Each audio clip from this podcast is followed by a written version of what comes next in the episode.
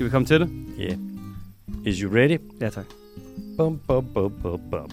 I dag skal vi snakke, først og fremmest så skal vi snakke på, øh, om, noget, om noget godt, der faktisk er sket over i øh, Yanomami, som ligger over i Sydamerika. Der har været en masse mineaktivitet, som har været lidt noget rod, men det ser faktisk ud til at være stoppet nu. Så skal vi snakke lidt om øh, landbrugets kvælstofforurening i Danmark, men ikke det, der er, som kommer fra markerne og bliver vasket ud i øh, vandmiljøet, men derimod det, der er i luften. For der er kommet noget ny, øh, en ny rapport frem fra Aarhus Universitet, der viser noget der. Så nu sviner vi til, til vands, til lands og i luften. Ja, det gør vi faktisk. Ja. Det er fuld plade. Det er fedt. Så skal vi lige snakke hurtigt om øh, skovbeskyttelsen, altså beskyttelsen af regnskoven i Peru, som overhovedet ikke virker. Nå. Stor, stor, stor indsats, som er totalt ineffektiv. Det er jo bøv. Ja, så kommer der en god øh, nyhed mere med DFDS. Det her sejlads, et rederi, er det vel et sejladsfirma, Mm-hmm. øh, som begynder at sænke farten for valernes skyld, hvilket er rigtig nice. Så kommer der hurtige nyheder. Så kommer der en quiz del Senor Bondo. Lige præcis. Og så kommer der spørgsmål fra lytterne og Late Night med Sif. Tia. Nå, Bondo. Mm. Så er vi tilbage i studiet. Er du sindssyg, jeg har savnet det? Ja, det har jeg faktisk også lidt. Det føles som øh, altså, en evighed siden, at vi har siddet hernede. Det er altså også, det er lang tid siden. To uger, tre uger? Det er, et, øh, det er en del anderledes at sidde hernede i studiet. Komfortabel på en stol, mikrofon i ansigtet og alting. Jeg tror, det er noget... Er her. Ja, Det er, at- ja, den kunne godt det er en god gammel Den er altid lige ved at dø, når vi ikke er her. Ja. Øhm, og den får sgu lige noget af min vand. Ja, giv den er lidt. Giv den lidt dyrenes er også det beskyttelse. der med, også det der med ritualerne, og du ved, ting man gør, og du ved, den setting, man ligesom er i, og man er klar til det. Er man klar til det for helvede? Ja, præcis. Og så øh, til alle jer, der måske har nævnt en gang eller to, at øh, lyden altså ikke er lige så god, når vi er på Bornholm, som når vi er nede i studiet. Så står der altså lige rundt regnet for meget dyre udstyr hernede, end der gjorde over på Bornholm. Så vi beklager, men nu er vi tilbage igen med god lyd. Vi er, ja, vi er tilbage, og nu kan vi øh, ja, optage noget i, i studiet. Vi, har op, vi optog lidt forud, løftet vi sløret for i et af afsnittene, fordi at, øh, hvad der, du skulle øh, på lidt ferie. Ja, jeg skulle til Sverige. Ja, det skulle du. Ja. Hvor du var oppe og blive bidt af nogle knorter og ødelagt af nogle myg, eller hvad? Prøv her. Du er en fucking nålebud, jeg forstår det ikke. Jeg, er bare, jeg har bare sindssygt godt blod. Men er det det? Er det nu der? Derfor? Ja, ja, ja. Myggen Okay. har god smag. Ja. Ja, ja, ja. Okay, så lad os se det. Vi tog bare øh, nogle venner, og så øh, tog vi bare langt op i Sverige. To bare Langt nogle venner. Ja, så tog vi op, hvor at, øh, derude, hvor der ikke er nogen mennesker, og det er sådan en helt underlig følelse, for i Danmark, der er mennesker overalt. Mm. Og hvis man finder noget natur i Danmark, der er smukt, så er der rigtig mange mennesker. Ja, ja. Deroppe i Sverige, vi var op sådan ude og campere sådan noget, hvor der var på stranden, og der var skov i baggrunden, og solnedgang. Alting var bare sådan lige øjet, og der var shelters og pisselort, og der var ikke et øje. Nej. Og det er endda i sommerferien, ikke? Det er skide rart, ikke? Åh, det var det. Det var, det var sgu dejligt. Jeg, jeg er ikke særlig glad for at sove i telt. Mm-mm. Jeg bryder mig ikke om at sove på luftmadras. Nej, Jeg synes ikke, det er særlig komfortabelt. det er det da heller ikke. Det er fint, hvis det er en enkelt nat, men der, der var det sådan en 3-4 nætter, der kan jeg godt mærke til sidst, der er sådan, nu er mange ligge i seng. Ja. Ja.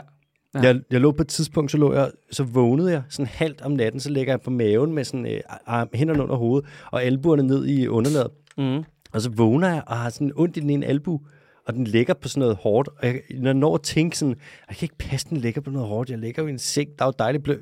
Så åbner øjnene lidt. Skal jeg bare se, at jeg bare ligger der. Halvt af luftmadrassen, bare med albuen fedtende rundt på en lille svensk sten. Og sådan, jeg tror ikke, det er det for mig. Nej. Jeg er ikke den slags biolog. Nej. Jeg skriver, jeg skriver biolog. Ja, du er, ikke det. du er ikke felttursbiolog.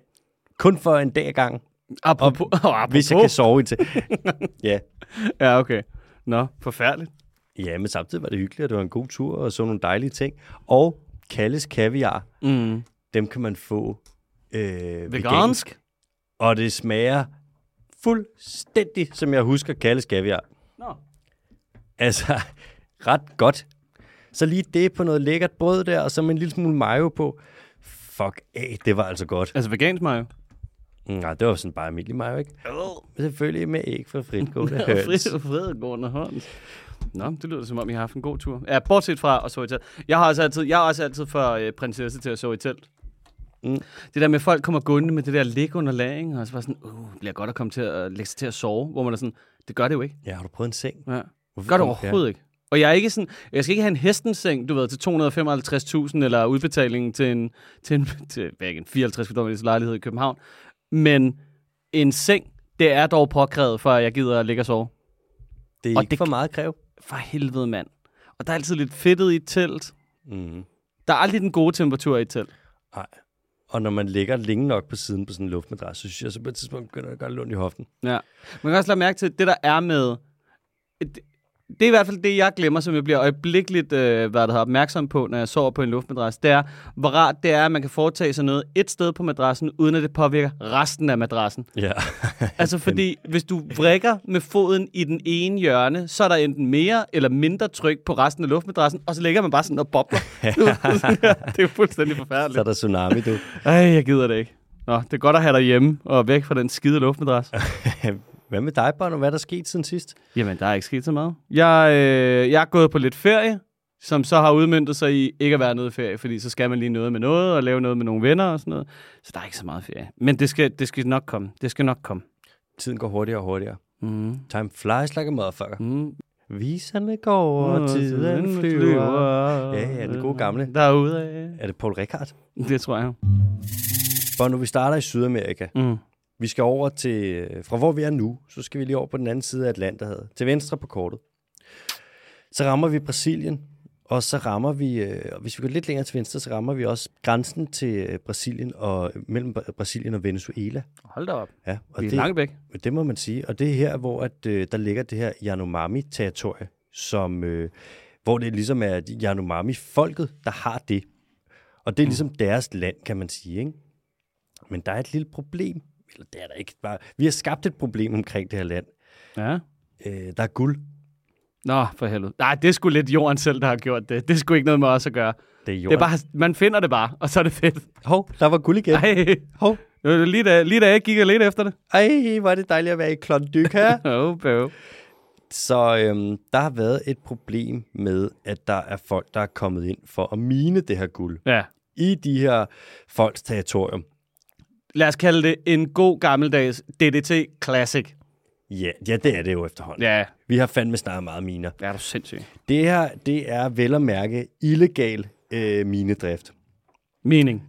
Ja. Og der har så været en præsident over i Brasilien, som ikke lige frem har gjort, hvad han kunne for at gøre den her situation bedre. Nej, meget hvad Trump han var for øh, hvad der, er, kvindefrigørelsen. Hmm. Meget har Bolsonaro været det samme for øh, Amazonas.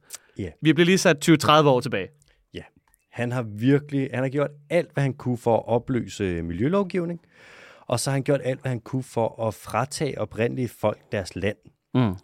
Hvilket der jo er... Ja, det... Jeg er ikke fan. Lad os sige det sådan. Det er meget diplomatisk. Dude, der er kommet sygt mange guldminer i det her område. Mm. Der er kommet... Jeg, sad, jeg tænker sådan, okay, hvor meget guld kan der være? Er det ikke noget med, så kommer de ind, og så er der nogle hundrede folk, der fedter rundt og laver noget. Nej, nej. Mm. Vi snakker over 20.000 minearbejdere, Ja. som er inde i det her område. Og det er stort, men større er det ikke. Det lyder lidt som om, det er industrielt, at man bygger en stor mine.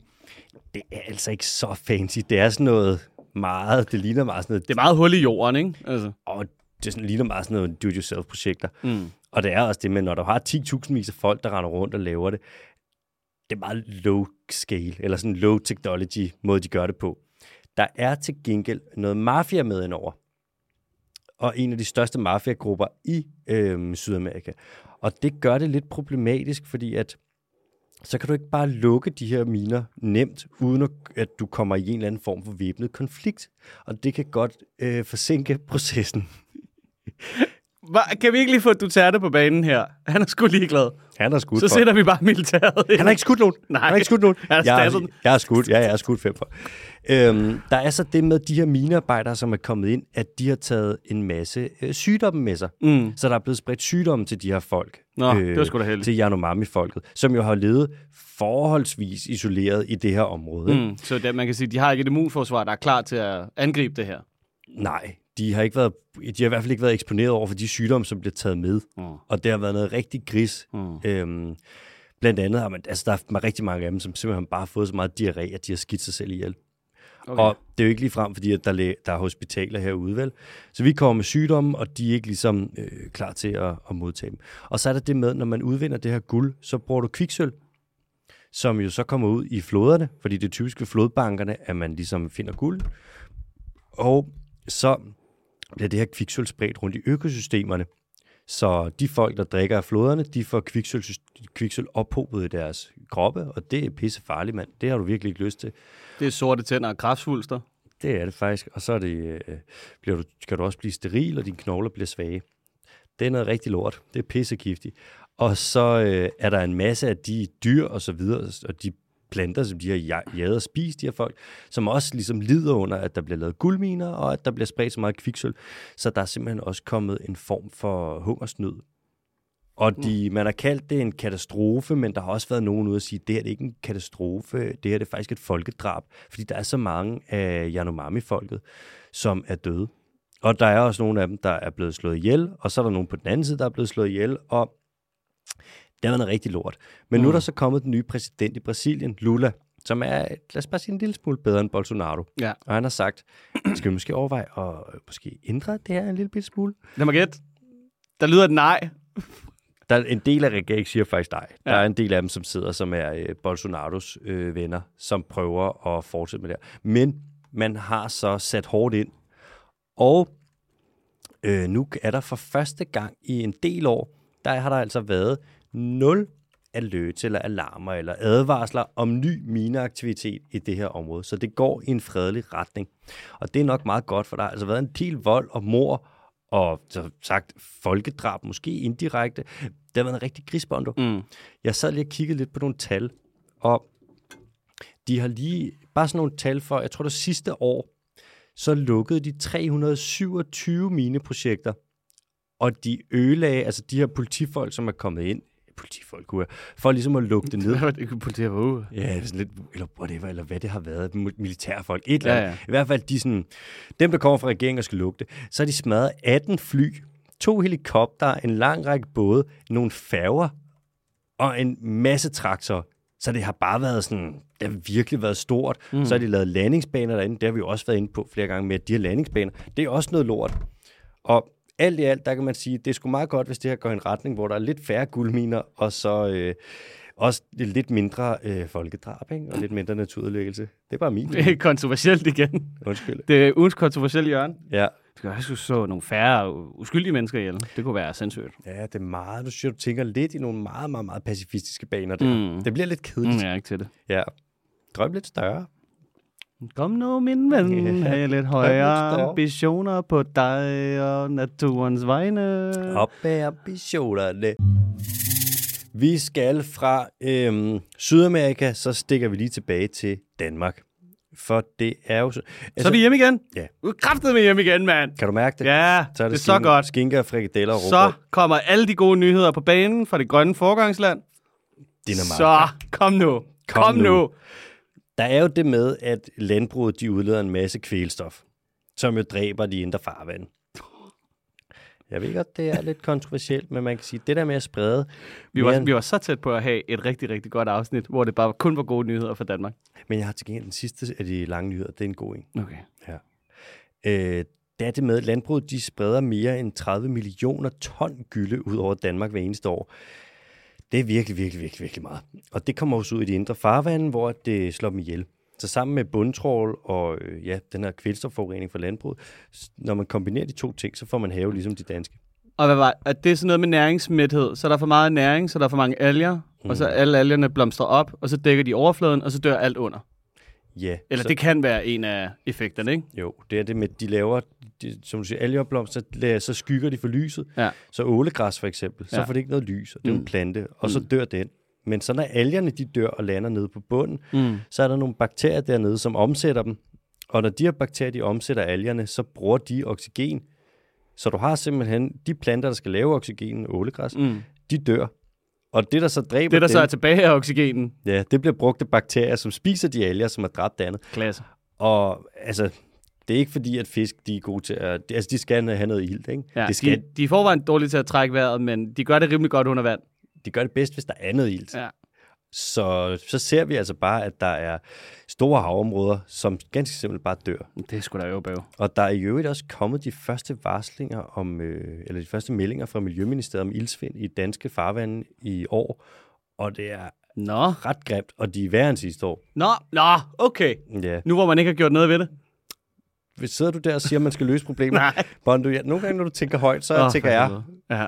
hvad hvad tror du, er? Det kunne være fedt, hvis der lige var nogen, der havde råbt vagt i gevær på et eller andet tidspunkt, men altså, så heldig kan man jo ikke have lov til at være. Nej, der er ikke nogen, der ved det her. Nej. Der er ikke nogen, der kan gennemskue det. Får man tilfældigvis også lige... Øh... Nej, vi, ja, kom videre. Ja. Støtte?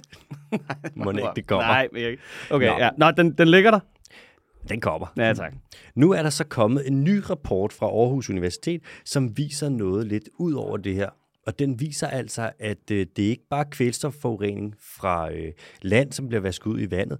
Der er også kvælstofforurening i luften, hvor man har, altså kvælstof, det er nitrogen, og det kan være bundet i for eksempel ammoniak. Og når du har en gyldetank, så står der altså og damper ammoniak op. Det er mm. derfor, at de ejendomme, der ligger omkring en, en, en, en svinebesætning, der vil der være alger overalt. Mm. Altså det der, at du ved, hvordan der kan godt være alger på land. Det der grønne lag, jeg lover dig, det forurener helvedes til. Mm. Der kommer brændenælder overalt. Brændenælder, det er en indikator på, at der er meget kvælstof i jorden.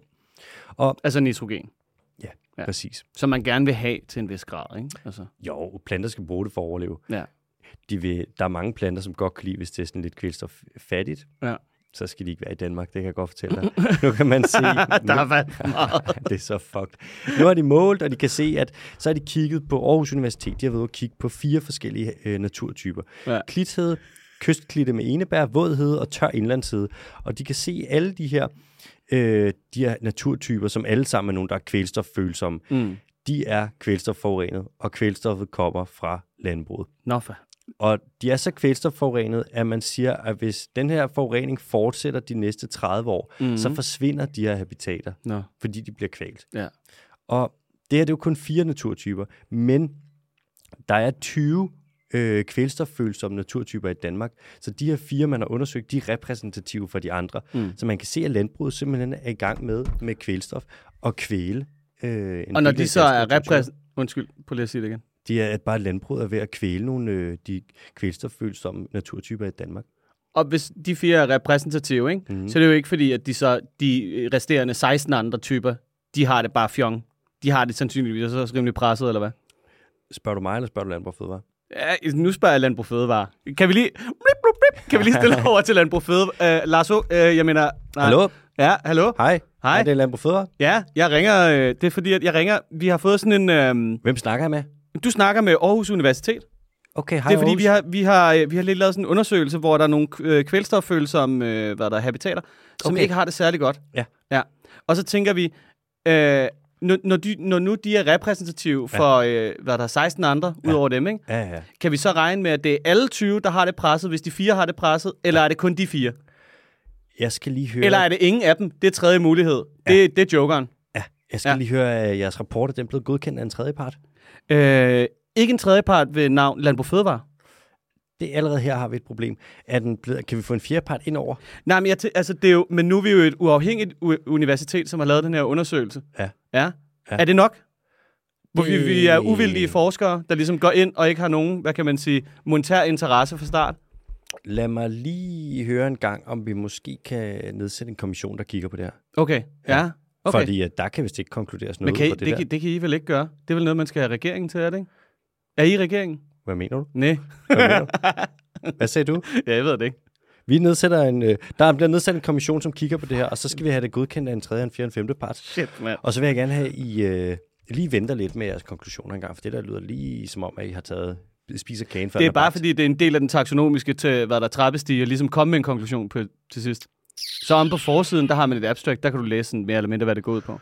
Men for en trappestigen, den tror jeg heller ikke lige, at vi har syltet endnu. Nej, okay. Vi, jeg tror lige, den her tager vi lige i opløbet. Ja, okay. Tak fordi du ringede. Ja, Nå, okay. Jamen, Mange tak fordi du ringede. ja, okay. Hej hej. Hej. Så fik du der, så fik du svar. Mm, tak. Jeg har et forslag, Mm. og hvor du stopper mig. Jeg ved godt, det er meget sådan...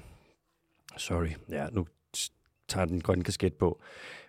Kan man ikke lade være med at bygge nye svinestal tæt ved følsom natur? Nej. Okay. Men det er jo, men det er jo fordi, at vi skal, vi skal, vi skal brødføde hele verden. Ikke? Kan du nævne et land i verden, der hvor der er hungersnød, som vil øh, få mindre hungersnød, hvis de ikke havde råd til danske koteletter? Jeg, kan, altså, jeg kunne nævne i flæng op til flere. Altså, Godt svar. prøv at stoppe mig. Jamen, jeg prøver ikke. Altså, nu, når jeg siger verden, så er det jo rigtig mange lande. Det, det er ligesom kælder, ikke? Det er Aarhus, Aalborg. Og kraftet med, mand. 90 procent af alt, vi får. Ja, ja. Det, er også lidt, det er også lidt sindssygt med de der kvælstoffølsomme øh, hvad det hedder, habitater, ikke? Mm. Er det sådan, det må være så ærgerligt med Danmark, ikke? Fordi det er lidt ligesom om, at de kan ikke lide LaLandia, men nu er de havnet i Alanya. Altså, det er jo bare 20 gange værre. det er fuldstændig vanvittigt. Lort! Øv, bøv. Bare nu, i, altså jeg ved ikke, i dag vi har sådan en, nyhederne de hopper totalt frem og tilbage mellem øh, fra Danmark, eller vi tager først til Sydamerika, så tager vi til Danmark, nu tager vi tilbage til Sydamerika, Okay. og vi tager til øh, Peru. Peru. Peru. Øh, det er sådan, at hvis Peru, Peru. Peru. Hvis vi kigger på Amazonas, så ligger størstedelen af Amazonas ligger i Brasilien. Men nummer to på den her liste, det er Peru. Der ligger altså en stor portion af Amazonas lige der. Og der er ed og pøls med kommet fart på, øh, på skovfældningen. Man har fældet nu øh, i Amazonas, der fælder man et område på omkring, det mellem 1500 og 2000 kvadratkilometer øh, om året. Mm. Og det er altså, hvor meget er det Fyn er på? Er det 2000 kvadratkilometer? Jeg tror, det er. Er det ikke det? Og det er et område på størrelse med x, x, x antal fyn. Jeg læste, så læste en nyhed om det her. Og ved du hvad, de havde skrevet bagved, hvor de havde opgjort det i hektar. Mm. Så de skrevet, hvor mange fodboldbaner det var. Jamen, det er jo den klassiske måleenhed. Og jeg, og jeg var sådan, ja, fucking Bondo. Fucking Bondo. Og han fucking, og jeg sådan skrev en mail til dem, hvor jeg var sådan, and how much is that? En mellemstor hunde? How much is that en mælkekartoner? En mælkekarton. Men det er også fordi, at det er, det er simpelthen så indbilst det der med, at vi forstår det bedre, fordi det er 27 fodboldbaner. Fordi det forstår jeg jo ikke, altså noget som helst af. Så det jo bare sådan, nå okay, jamen, så er det den der øh, sådan arbitrære størrelse, som jeg dårligt nok, du ved, kan regne ud Mm. 27 gange. Nå okay, fedt. Så snart, har du nogensinde prøvet at stå på en vej, eller stå og kigge ud i horisonten, og så være sådan, kan vide, hvor langt væk en kilometer er? Det skulle da... Det må da lige være 10 fodboldbaner, der er derhen, var. Jeg tror, alt over sådan en meter, der fejlvurderer vi det bare sygt meget. Det er Ja, enormt svært. Det er derfor, det er godt, at du lige har fået lavet sådan en indbygget lineal der på bagsiden af underarmen. 46 cm, baby. Og jeg tænker, at den skal laves længere. Altså, den skal bare gå hele vejen ned til, uh, hele vejen ned til anklen, eller hvad? Det skal være ligesom den der gamle banjoske kørstue-sketch, mm. hvor det er det er extreme, så kan jeg måle, hvor meget jeg synker i kviksand. Der er et eller andet sted i, i løbet af den der lineal, du har kørende der på din krop, ikke? Altså, mm. du ved, bare en af dem bare lidt skæv. Sådan, så man lægger mærke til det. Sådan, så det irriterer alle andre. Whips. Sorry. Nå, Nå, vi er i Peru, og, og, og der er blevet sat et eksempel i Amazonas, som man har tænkt sig at følge. Vi veksler noget regnskov til noget klima, klima hvad det hedder? Klimako. til noget klimako. Ja. Men øhm, i Peru, der har man, det underlige er, at der bliver fældet ekstremt meget øh, skov. Mm. men man har gjort en meget stor indsats, i hvert fald på papiret, og faktisk brugt en masse penge på ikke, øh, eller ligesom at bremse den her skovfældning. Man har lavet Jamen, så en masse... fucking dårligt til at bremse det, eller hvad? Ja, det er så det, der er, for jeg har kigget lidt på, sådan, hvordan fanden kan det så være? Ja. Vi snakker sådan mange forskellige indsatser. Øh, vi snakker alt sådan noget, man har givet positive incitamenter. Mm. Det vil sige, man har givet folk belønning for at gøre et eller andet, der fremmer det her. Man har negative incitamenter, hvor du straffer dem, hvis de gør noget, de ikke må. Og Er så, der en frivillig aftale, der er snedet sig ind? Det er ikke Danmark der. Okay. Og så øhm, har man... De ved slet ikke, hvor godt det fungerer. Ja, nej, nej, de er slet ikke klar til det. Og så har man lavet en masse beskyttede områder, men som vi har været inde på nogle gange på det sidste, et beskyttet område kan være beskyttet på mange forskellige måder. Ja, ja. Nu har jeg så kigget lidt på, øh, hvorfor at det er, at man stadig fælder så meget skov, selvom man gør sig umage for at bremse det.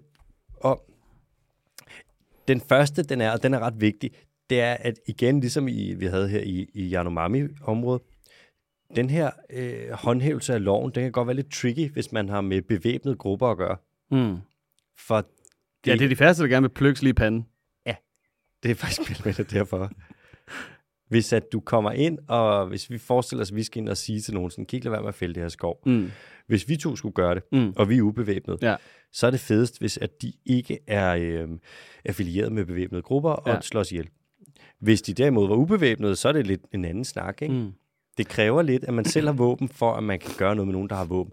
It takes a good guy with a gun to stop a bad guy with a gun, Alex. Ej, den er, den er så farlig. Det er en slippery slope. så, og så er der fusk, Ja. som man fusker med. Der er jo noget skovhugs, der er lovligt. Mm. Så laver de sådan et nummer, som egentlig er ret smart, som jeg ikke havde hørt om før, hvor de siger, okay, vi skal ind og fælde noget lovligt træ, og vi fælder, vi vil fælde 24. Ja, vi vil fælde 24. Så kommer de ind, og så fælder de af det lovlige træ, så fælder de tre, Mm. og så resten, det er ulovligt.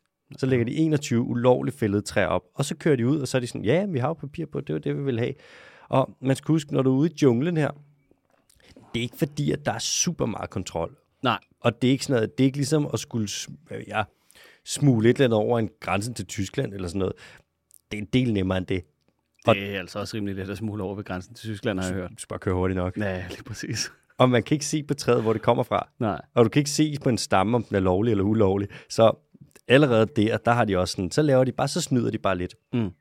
Hvad med de der... Øhm, hvad er det, de der, de der cherries eller sådan noget? De der små computer eller sådan noget, der kan registrere vibrationer eller lyd eller sådan noget, ikke? Åh oh, ja, raspberries. Raspberries, ikke? Ja. Kan man ikke bare smide dem over det hele? Bare fucking tippebombe hele, øh, hele Amazonas. Og så når der er folk steder, hvor man er sådan, der er nok rimelig stor sandsynlighed for, at der bliver minet ulovligt træ herinde, så kan man bare køre hen og så bare plukke hele lort. bare de her. Uh, Skriver du ned? Jamen, jeg tænker, vi sender det ind som handle, handlingsplan. Ja, det synes jeg, vi skal gøre. Ja, Ja. Det der, det er rimelig sådan, uh, man laver, det er sjovt. Har vi, det har vi snakket om, det der med raspberries. Så smider du dem op. Det er sådan en lille computer. Mm. Og så smider du en lille mikrofon i. Ja. Og så kan du lave sådan en net, så kan du lave sådan noget soundscape. Mm. Man har et projekt på Borneo, hvor du laver sådan noget, et helt sådan et, et lydmap over et stykke regnskov. Fordi der jo er fucking meget lyd, ikke? Ja. Og det er sådan en dimension, vi kan lægge oveni. Det er ikke et dumt bud, det synes jeg ikke. Jamen, altså, du må jo kunne høre alle de der irriterende ting, der fælder. Ja. Præcis. Så er sådan, hvor kender jeg den der fra? Ja. Og så er de sådan, hvem, hvem Det er sgu stopper nok bare nogen, der er ude at grille. Ja, ja, præcis. Problemet er at håndhæve det her i sådan en kæmpe stykke skov. Det er, og så med begrænsede ressourcer.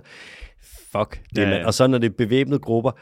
Det er, der, det er det, der er en stor del af problemet jo. Det er det samme med fiskeri. Man ved udmærket godt, hvor der er ulovligt fiskeri mm. tit og ofte. Ikke? Men hvis det er en eller anden lille ø-nation, der ser nogen, der sejler rundt i en kæmpe trålbåd, ikke? en Ja. eller anden fra en del af den kinesiske fiskeflåde, sådan, hvad skal de gøre? Skal de sende den kystvagt, der ikke er derude efter dem? Fuck, bare skal ud de- med en splattergun. de, de kan ikke. Så ser man bare på det her, der sker. Og det er også det er helt almindeligt og meget, meget trist. Ja. Ja, ja, det er jo, der er jo ikke nogen interesse i, at, altså, det vi jo set en million gange før, vi kan jo sagtens, sagtens invadere det ene og det andet. Altså, øh, for at sprede noget demokrati og, og få nogle oliefelter og sådan noget, ikke? Men altså, Hov, hov. nej. Du er simpelthen i dag, ved du hvad? Det er ligesom, øh, det kommer ud snart, vi har lavet en special med Nikolaj Lindeborg. Du er så fræk, Alexander. Så nu kan fræk. jeg sige det samme til dig. Det er, det er meget fræk dig. Meget frækt sagt. Ekstremt fræk sagt. Ja, men altså, alt hvad jeg siger, det er rygter. Ja, det er rigtigt nok. Ja. Tower 7 didn't drop, altså. Så har man noget, der hedder RIDD+. Jeg kan ikke huske, hvad det står for.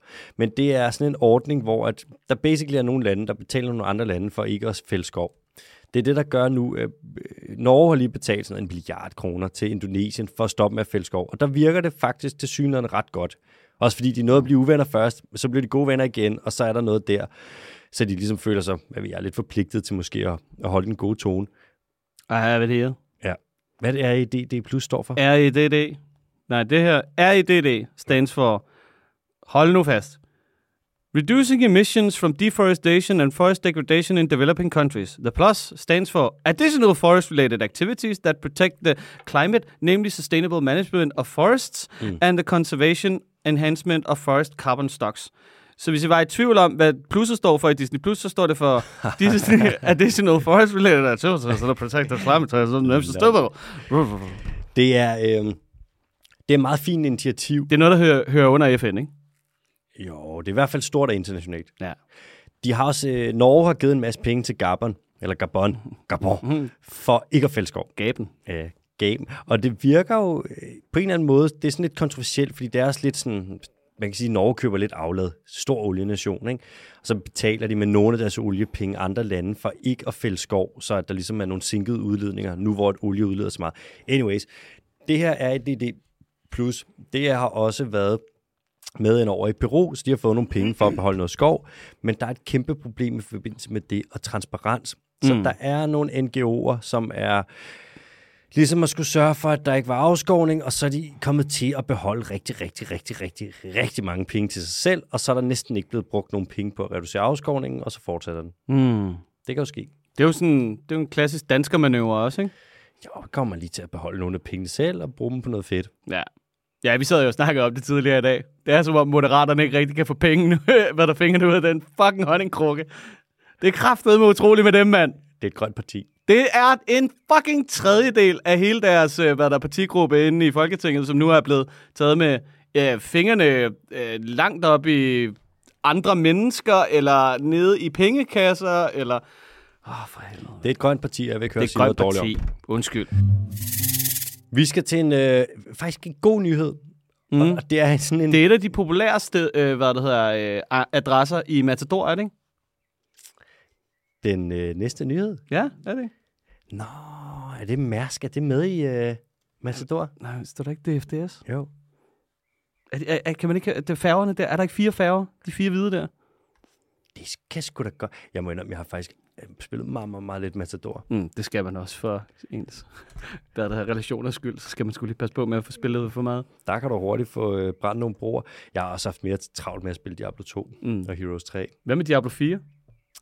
Det er sjovt, for jeg, der er kommet en del af de der cinematics, som popper op over det hele. Ja. De ser fandme vilde ud. Det skulle da være ude nu, skulle det ikke? Nå, men derude. Nå, okay. Jeg hørte også, at det skulle være sådan, okay, Diablo 1, Ja. det var, hvad det var. Det var godt for sin tid. Diablo 2, fucking godt. Ja. Rigtig dyster stemning. Ja. Diablo 3, det var meget bare smadre, Ja, ødelæg, bare sådan mm. virkelig kamp for alle penge. Diablo 4 tapper lidt mere ind i sådan Diablo 2 dyster stemning og storyline og meget sådan kreative kampe og skulle være bosserne skulle være fucking vilde at være imod og der skulle være sådan nogle bosser, der også bare var ude i landskab og map generatoren skulle være vanvittig. Okay. Okay, sorry. Jeg har, slet ikke, jamen, jeg har slet ikke spillet det, og jeg har slet ikke hørt noget om det. Jeg så nemlig bare, at der kom en masse cinematics og nogle trailers og sådan noget, ikke? Mm. Og så er det sådan, oh, the, the, the, the, the, the fire will rise soon. Stay a while Listen. Et eller andet. Og, jeg, og så har jeg bare ikke hørt noget om det siden. Nå, okay, det er også lige Jeg meget. tror, det godt. Nå, okay, Nå. fra det ene helvede til det andet, så skal vi over til Mærsk. Vi skal faktisk til DFDS. Ja, Jeg ved ikke, hvad det står for. De forenede... de forenede dampfærgeskibsriger. Ja, det er også dem, der har Oslofærgerne. Det er DFDS. Uh, altså lige på stående fod, der må jeg skulle uh, stikke dig en løgn og sige, ja, selvfølgelig er det det. Det der, det var med, med det mest ærlige lyveri, jeg nogensinde har set. Åh, satan, man skal lige finde ud af, hvad det betyder. Jeg finder ud af, hvad det betyder. Du Ja. snakker om et eller andet. Ja. Det er sådan, at som vi også har været inde på nogle gange, at når man sejler med en båd, en stor båd, og du sejler over en val og banker ind i den, så er det noget lort. Og der er valer i Middelhavet. Okay, den her segway bliver lidt clumsy. Jeg starter et andet sted. Der er Nej, kaskelotter i Middelhavet. Nu brute forcer du den. Kom så. Der er kaskelotter i Middelhavet.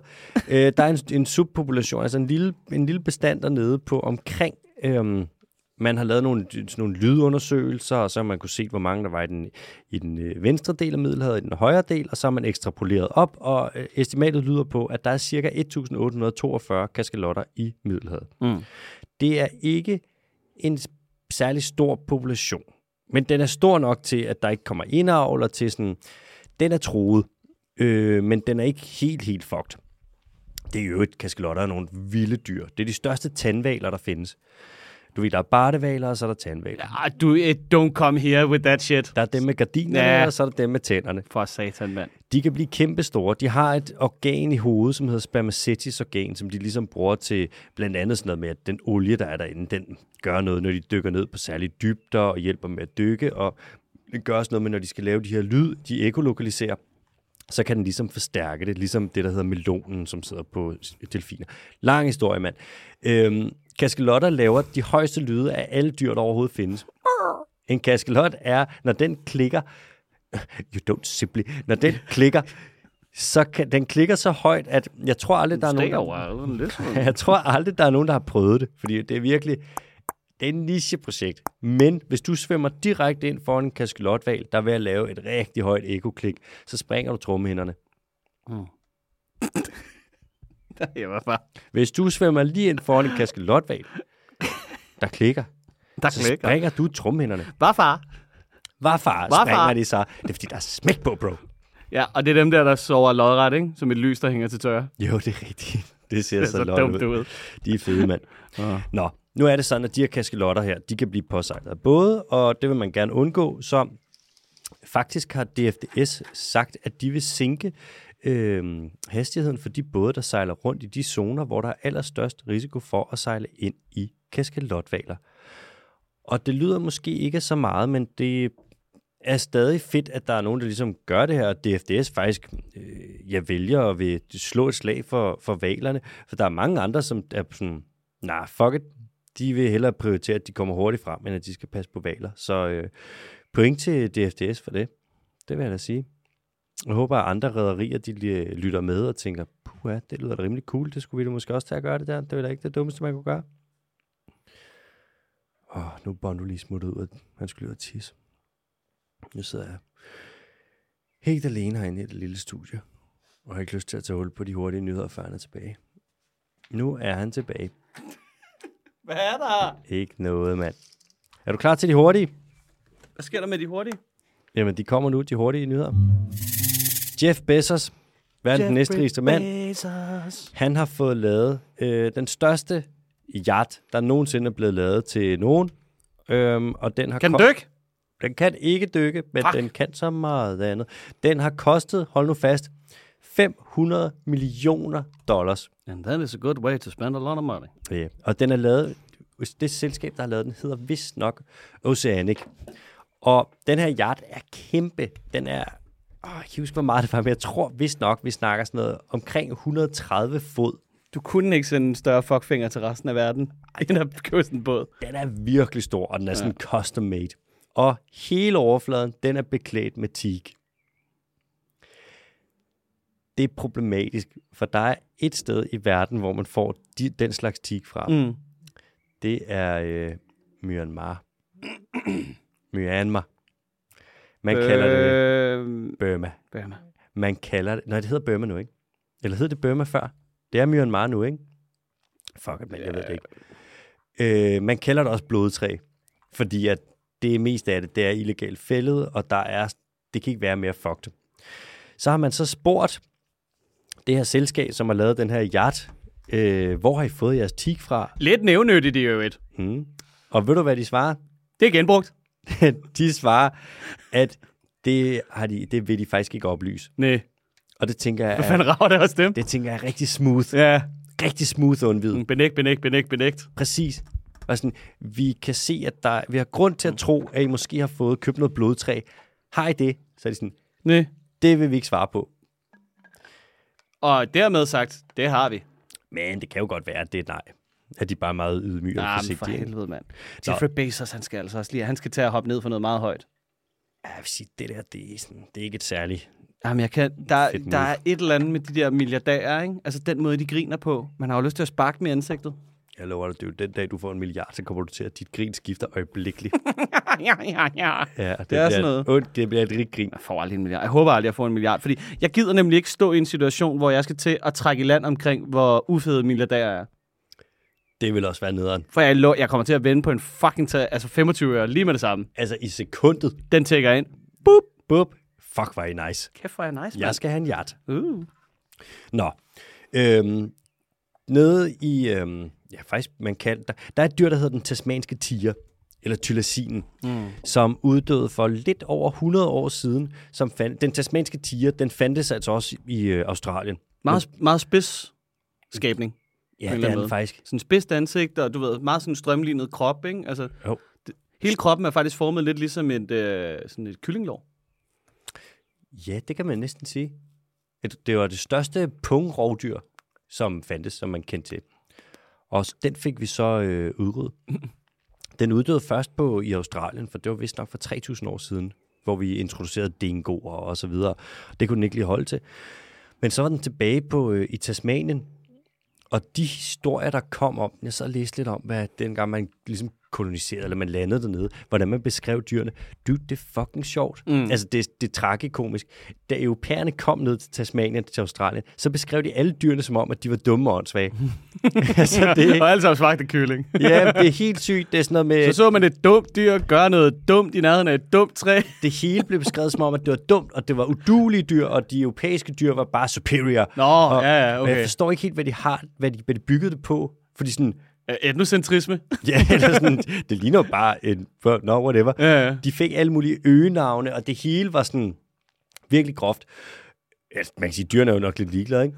Jo, jo, men alligevel. Det er da sindssygt nok at bare komme til et andet land og være sådan, hvad er det for en øh, dum fugl, du har siddende derovre? Ja, den er fucking uintelligent, den der. kraftedeme, mand.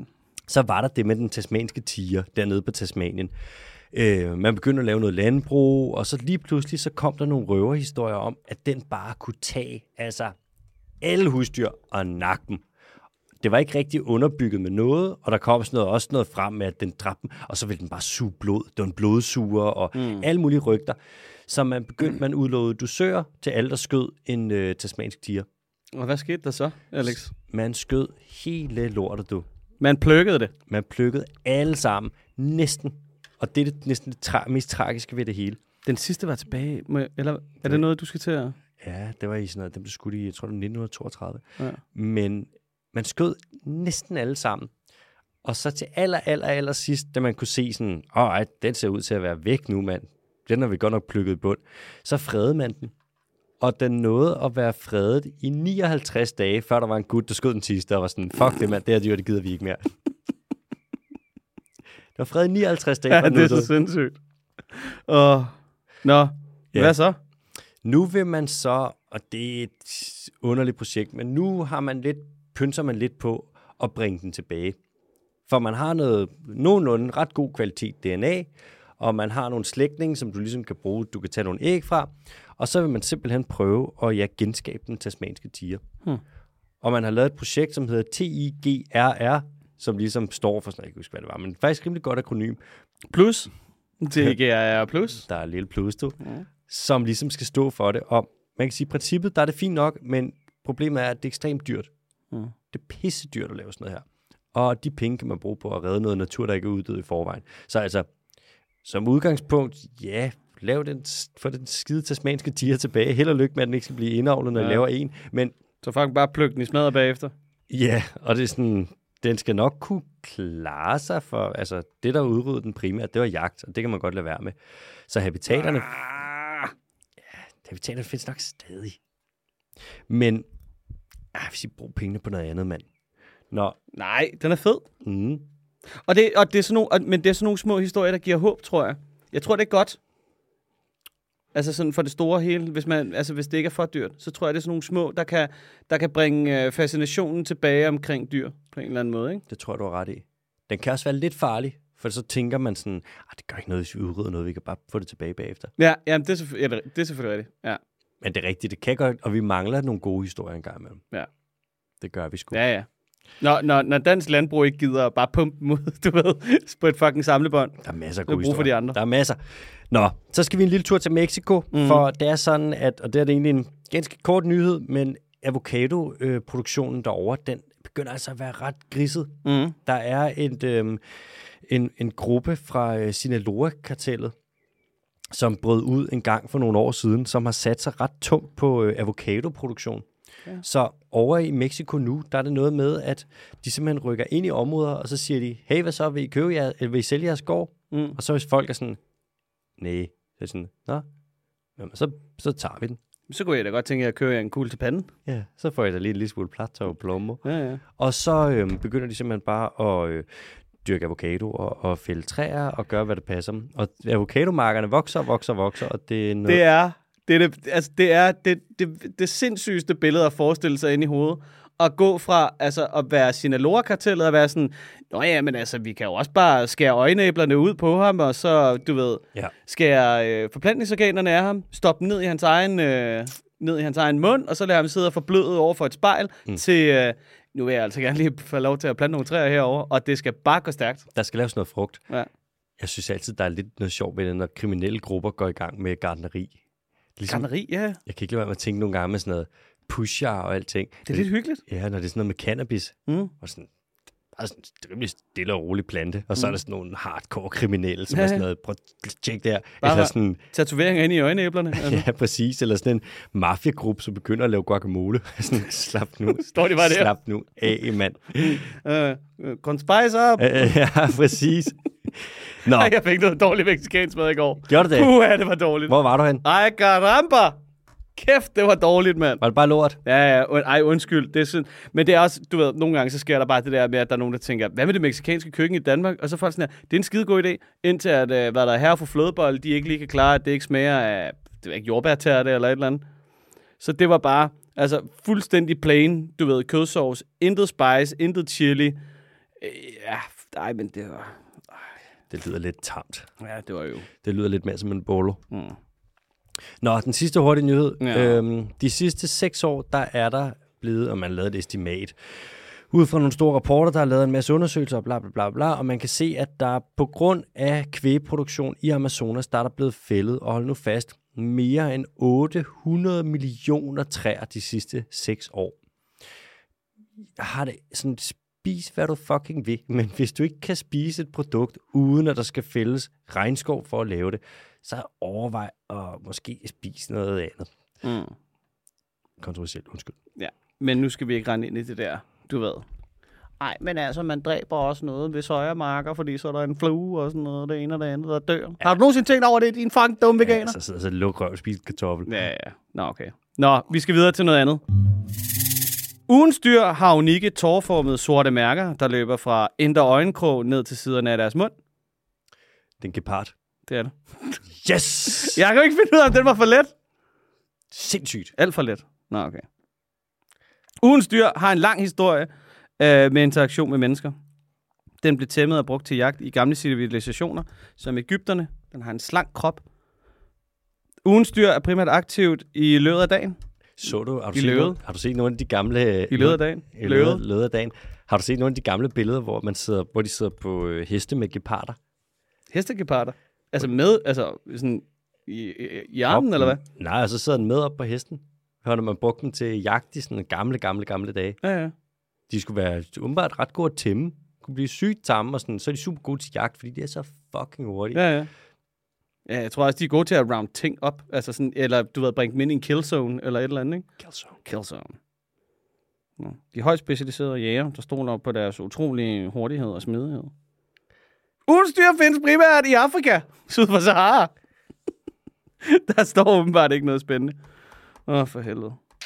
Og så også lidt i Iran, ikke? Og en lille population. Ja, Snart i Indien, og så vil Nepal sikkert også have dem. ja, ja. Så skal vi skyde dem i smadret på et eller andet tidspunkt. Må ikke. Ej, geparden, mand. Nå, det var sgu da øve. Det var, og, det, og det værste er, ikke? Jeg stod, og, jeg stod sådan lidt og, og vippede imellem en anden, en, et andet stykke fakta, som jeg tænkte faktisk var bedre, men så tænkte jeg, ah, det kræftede mig også for mærkeligt, det andet. Jeg kan, jeg kan ikke helt huske, hvad det var. Det var noget med neglene eller sådan noget, eller kløerne. Ej, hvordan fanden er det? Det er noget med, at den har dem ude, når den løber, for at få ekstra grip. Ligesom med pigge under fodboldstøvler. Ja. Det der, men den har, sådan, den har en meget... Det er sådan lidt radiobilsagt. De har en meget tung øh, hale. Ligesom et ror. Ja, så den kan sådan, du ved, læne sig med halen ind i, øh, ind i et sving. Dude, når man løber 100 km i timen. altså, prøv at, you tell me. Don't tell me. Uh, tell, Ja, don't, ja. Åh, for satan, mand. Har Kæft, jeg set dig løbe 100. Nå, okay. Jamen, det var da, det var sgu da irriterende, at jeg har gået og brugt så meget tid på at, øh, at lave øh, verdens øh, hvad der her, sjoveste quiz. Og så øh, er der noget andet, vi kan snakke om, nu hvor at, øh, quizzen gik så hurtigt. Er der et eller andet, der lige kom ind fra højre? Har du læst om et eller andet i dag? Er der en ny overskrift fra øh, øh, hvad der hedder, Danmarks Radio, hvor de sådan non-committer til en nyhed? Ingen skudt i Sverige i dag. En ikke-nyhed. Ja, noget, øh, noget øh, Oh, i dag har det måske regnet, agtigt. der er ikke nogen ikke-nyheder, der lige kom, kommer til mind. Skal vi, øh, skal vi se, om vi kan finde noget på DR? Ja, gå på jagt. Vi kan gå på jagt. Så kan vi lige gå ind under nyheder. Så kan vi gå til indland. Der ligger garanteret et eller andet lækkert. Ekst... Nå, det, nej, det ved jeg, jeg tror sgu ikke, vi kan finde noget. Eller er det under videnskab? Hvor, hvor... Det er jo egentlig utroligt, at de ikke har en, en sådan... Lad os snakke om noget andet. Ryd fladen for klimaet, ikke?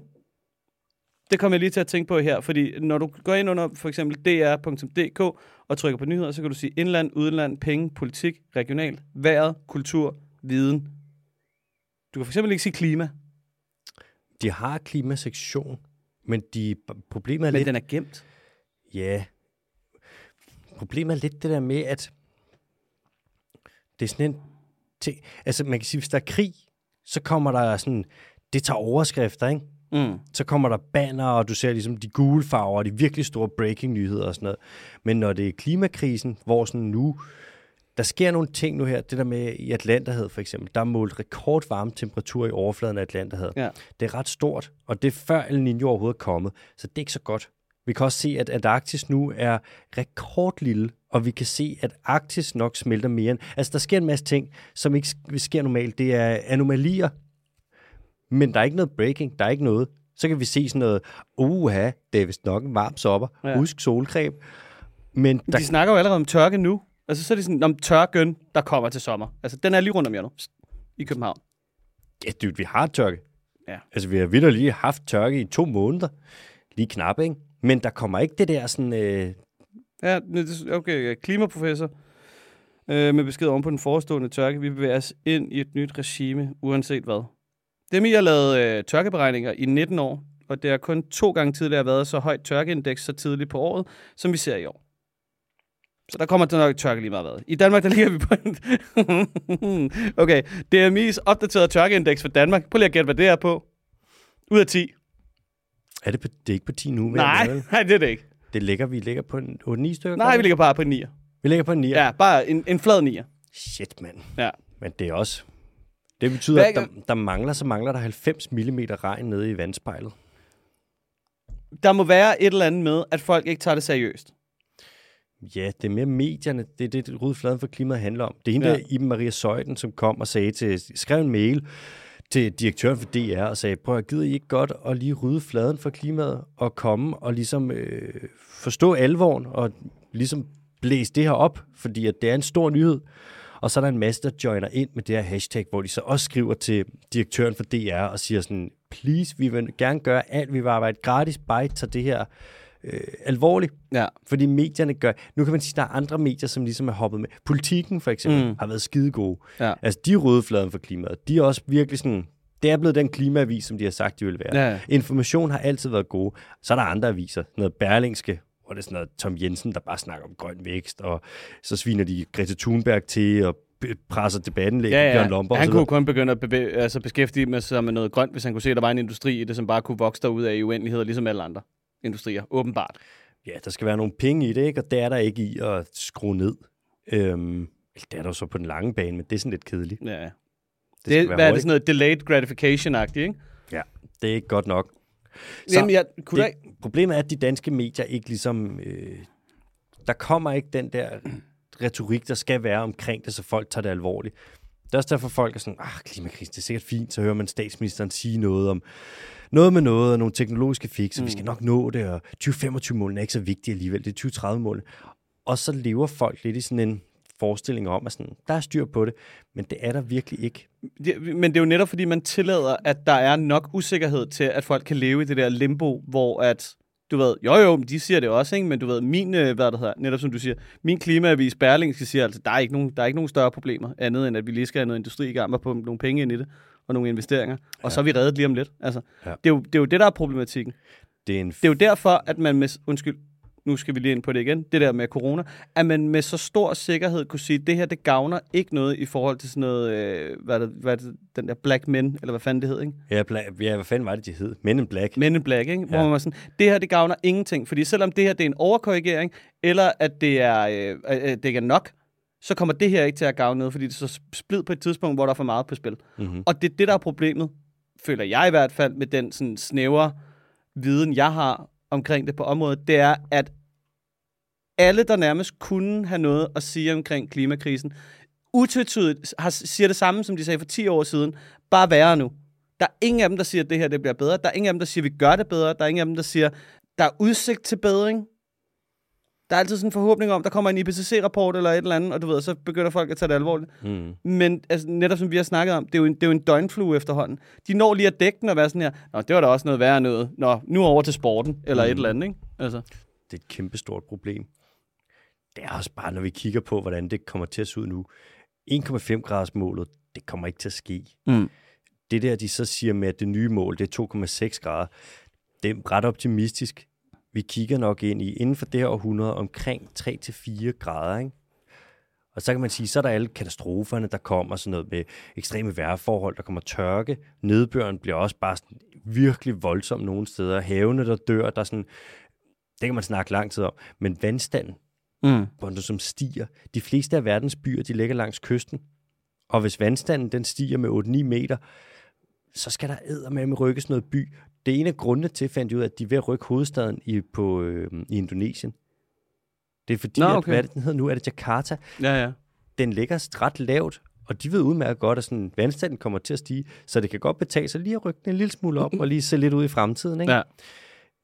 Det er bare, ja, det er en problematisk håndtering af klimakrisen, ikke at snakke om den, som den egentlig er. Mm. Jeg håber, det kommer til at få... Jeg tror, at det der ud fladen for klimaet har sat gang i nogle ting. Men jeg tror, det er sådan... Jeg tror, det tager noget tid, før vi snakker om klimakrisen, som vi bør snakke om den. Også ja. fordi, man kan sige, det bliver ekstremt dyrt, hvis jo længere vi venter. Det bliver kun dyrere. Ja. Og det der, man snakker om nu med, at vi kan ikke lave omstilling, og ah, hvad med arbejdspladser og alt det der. Alle de ting, som er dyre og besværlige nu, de bliver kun mere dyre og besværlige, jo længere vi venter. Ja. Så vi er lidt sådan, det er et dårligt tidspunkt at tage en lur på. Skal vi komme til nogle, øh, skal vi komme til nogle spørgsmål? Ja. Lad os se en gang. Vil du ikke læse det første op? Nå, det kan jeg da godt. Okay, okay, okay, okay. Uh, vi har et spørgsmål fra Andreas. Hej, H. Bondo. Hej, Andreas. Andreas, I har idé til et mere eller mindre fast indslag om dæmninger. øh, det er det. Vi snakker om. Det, er, det er fordi Kina, de er, de er så industrious. Altså. Ja. Hvad er det, den hedder? Kina-komiteen? Åh, de har den der øh, Belt and Road, tror jeg, den hedder. Ja, Ro- Road and Road and Belt Initiative. Initiative. Ja. Men der bliver sager, der bliver bygget dæmning over hele planeten. Det er helt sikkert. Jeg har mere eller mindre et fast indslag om dæmninger. I forbindelse med den nu sprængte dæmning i Ukraine har jeg et spørgsmål hertil. Jeg er nysgerrig efter at vide, hvorledes disse oversvømmelser påvirker det lokale dyre- og planteliv. Jeg håber, I, nok mest AH, kan svare på det, og eventuelt kan I jo overveje at snakke om det i podcasten. På forhånd tak. Jeg vil med at lytte til DDT. I bidrager virkelig til at udbrede viden og kendskab til biodiversitet og økosystemer. KH Andreas. Yes. Det er... Øhm, okay, det, igen, spørgsmålet er altid lidt gamle, fordi der kommer mange ind, og vi kan ikke nå at få alle sammen med. Mm. Men der blev sprunget den der dæmning i Ukraine. Og øh, man kan sige, øh, det planteliv, der er der, hvor der så er en masse vand, der fosser ud, de planter, som ikke kan leve under vand, hvor der vil komme vådområder, de er færdige, mand.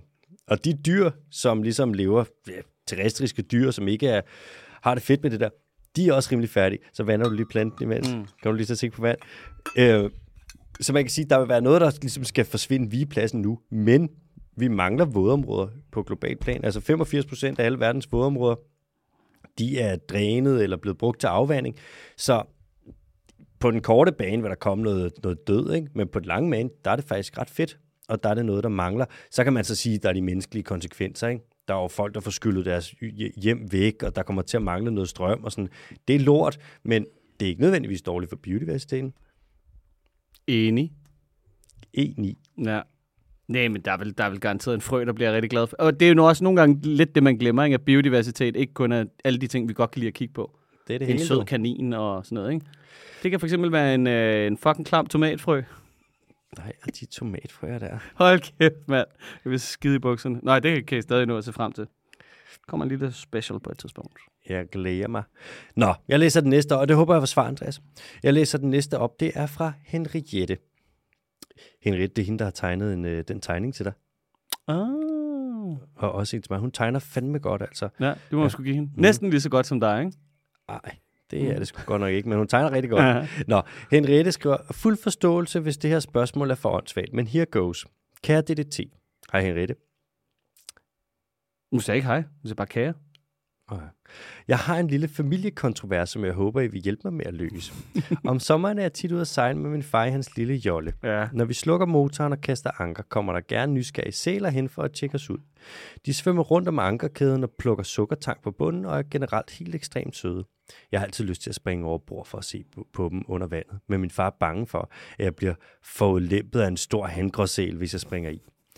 Det er mest spættede sæler, men af og til også en gråsæl. Så kære DDT, er der tale om en overbeskyttende forælder eller et dumdristigt afkom? Har sæler for vane uprovokeret at bide i mennesker? Jeg har prøvet at fortælle min far, at død ved sæl altså ikke er den værste måde at krasse af på. Men nu siger han, at jeg ikke må komme med i båden, medmindre jeg stopper min sælsnak. Håber I kan hjælpe. Sælsommerhilsner fra Henriette. P.S. Jeg er 12. Jeg er ikke 12, jeg er 30.